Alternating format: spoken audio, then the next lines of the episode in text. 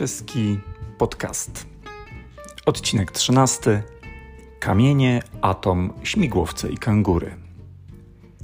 Witajcie w kolejnym odcinku naszego podcastu po wakacyjnej przerwie. E, wakacje co prawda jeszcze trwają i absolutnie nie zamierzam stresować naszych e, szkolnych słuchaczy tym, że już nieco ponad tydzień i trzeba wracać do szkół. Ha, ha, ha, ha. E, nie było mnie na chwilę z nowymi odcinkami. Spowodowane było to przerwami urlopowymi, kilkoma innymi projektami, ale do czeskich tematów będę co jakiś czas wracał. Mm, dziś nie ma jednego głównego tematu, poruszymy sobie kilka wątków, mm, ale myślę, że nie są to tematy mniejszego kalibru czy mniej istotne.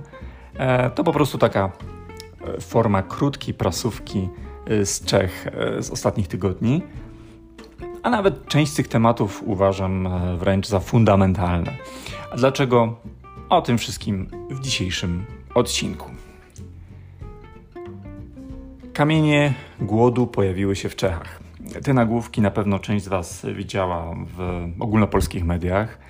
Mm, zarówno na terenie Republiki Czeskiej, w Polsce czy też w Niemczech drastycznie obniżył się poziom wód w Czechach e, koryto łaby odsłoniło stare kamienie leżące na dnie, niektóre z nich pamiętające XVI e, wiek. Jeden z nich miał mieć wyryty napis w języku niemieckim mm, o treści Jeśli mnie zobaczysz, płacz.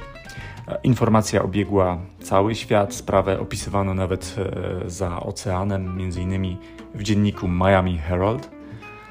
No cóż, naukowcy od wielu lat alarmują w temacie zmian klimatycznych, ale jak widać wciąż temat potrafi nas zaskakiwać. Nie słuchamy naukowców, e, słuchamy mm, mediów.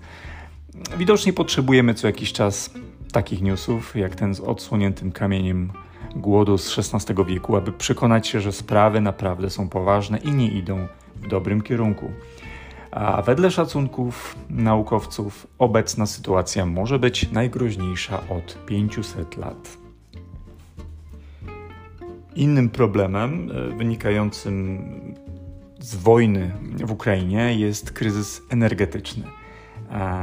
Wszystkie kraje w Europie mierzą się z tym tematem, również Republika Czeska.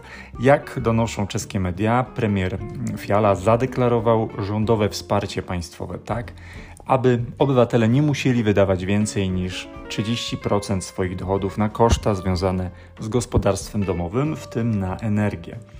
E, wsparcie ma zostać udzielone w postaci takiej specjalnej rządowej taryfy energetycznej z myślą o przyszłym niepewnym sezonie grzewczym.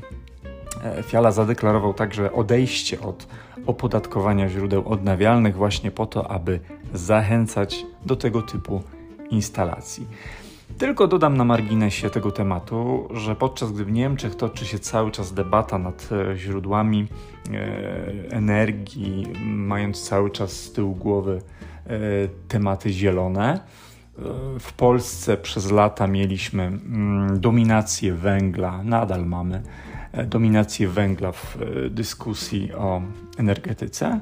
Czesi, podobnie jak Słowacy, od początku postawili na energię atomową i dzięki temu znacznie taniej produkują dziś energię. W samej Republice Czeskiej działa aż 6 reaktorów atomowych, które produkują 1 trzecią energię, energii, całej energii e, elektrycznej. Dla porównania, portal Energetyka24 podał, że gdybyśmy my w Polsce dysponowali takimi reaktorami o takiej samej mocy można byłoby spokojnie wyłączyć największą elektrownię w kraju, czyli Bełchatów, co przełożyłoby się na około 30 milionów ton CO2 mniej.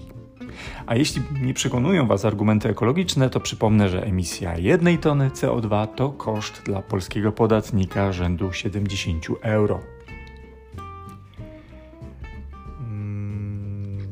Jeżeli jesteśmy przy temacie kryzysu w Europie spowodowanego wojną w Ukrainie, no trzeba wspomnieć tutaj o informacji, która pojawiła się mm, w ostatnich dniach. E, Czesi pochwalili się tym, że mm, dostaną od Stanów Zjednoczonych mm, nowy transfer zbrojeniowy Czesi mają otrzymać 8 nowoczesnych śmigłowców, 6 szturmowych i 2 wielozadaniowe. To efekt współpracy militarnej między Republiką Czeską a USA w ramach programu Access Defense Articles, w ramach którego między sojusznikami może dochodzić do przekazywania sprzętu e, militarnego. W sumie Czesi mają już dysponować aż 20 takimi amerykańskimi maszynami. To odpowiedź Stanów na prośbę ministry mm, obrony narodowej e, Republiki Czeskiej i pewien sposób podziękowania za zaangażowanie się e, Republiki Czeskiej e, w temat Ukrainy. Dzisiaj, jak słyszycie, tematy bardzo poważne związane z kryzysami klimatycznym czy geopolitycznym, więc na koniec trochę luźniejszego kontentu. Czeska Ekstraklasa przynosi nam bowiem olbrzymią niespodziankę. Dla mnie, muszę przyznać, bardzo przyjemną, bowiem moja ulubiona czeska drużyna piłkarska Bohemians Praha zajmuje obecnie pierwsze miejsce w czeskiej tabeli.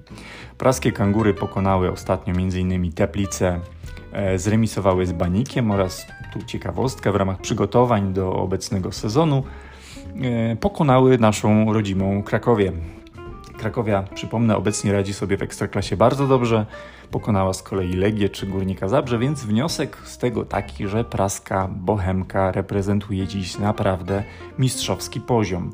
E, ja trzymam kciuki za Bohemian z Praha, mam nadzieję, że w tym sezonie puchar powędruje na Doliczek, tak właśnie nazywa się stadion Bohemians. I myślę, że chyba trzeba będzie zrobić osobny odcinek o tej ciekawej drużynie z Pragi z zielonym kangurem w herbie. Ja Wam dziękuję za dzisiejszy, nieco muszę przyznać, eksperymentalny odcinek e, w takiej formie małej czeskiej prasówki. Myślę, że to jest całkiem dobry pomysł na format naszego podcastu i w ten sposób będziemy się częściej spotykać. Trzymajcie się ciepło, nie marnujcie wody, odwiedzajcie Czechy, wspierajcie Ukrainę i kibicujcie czeskiej piłce. Na schle.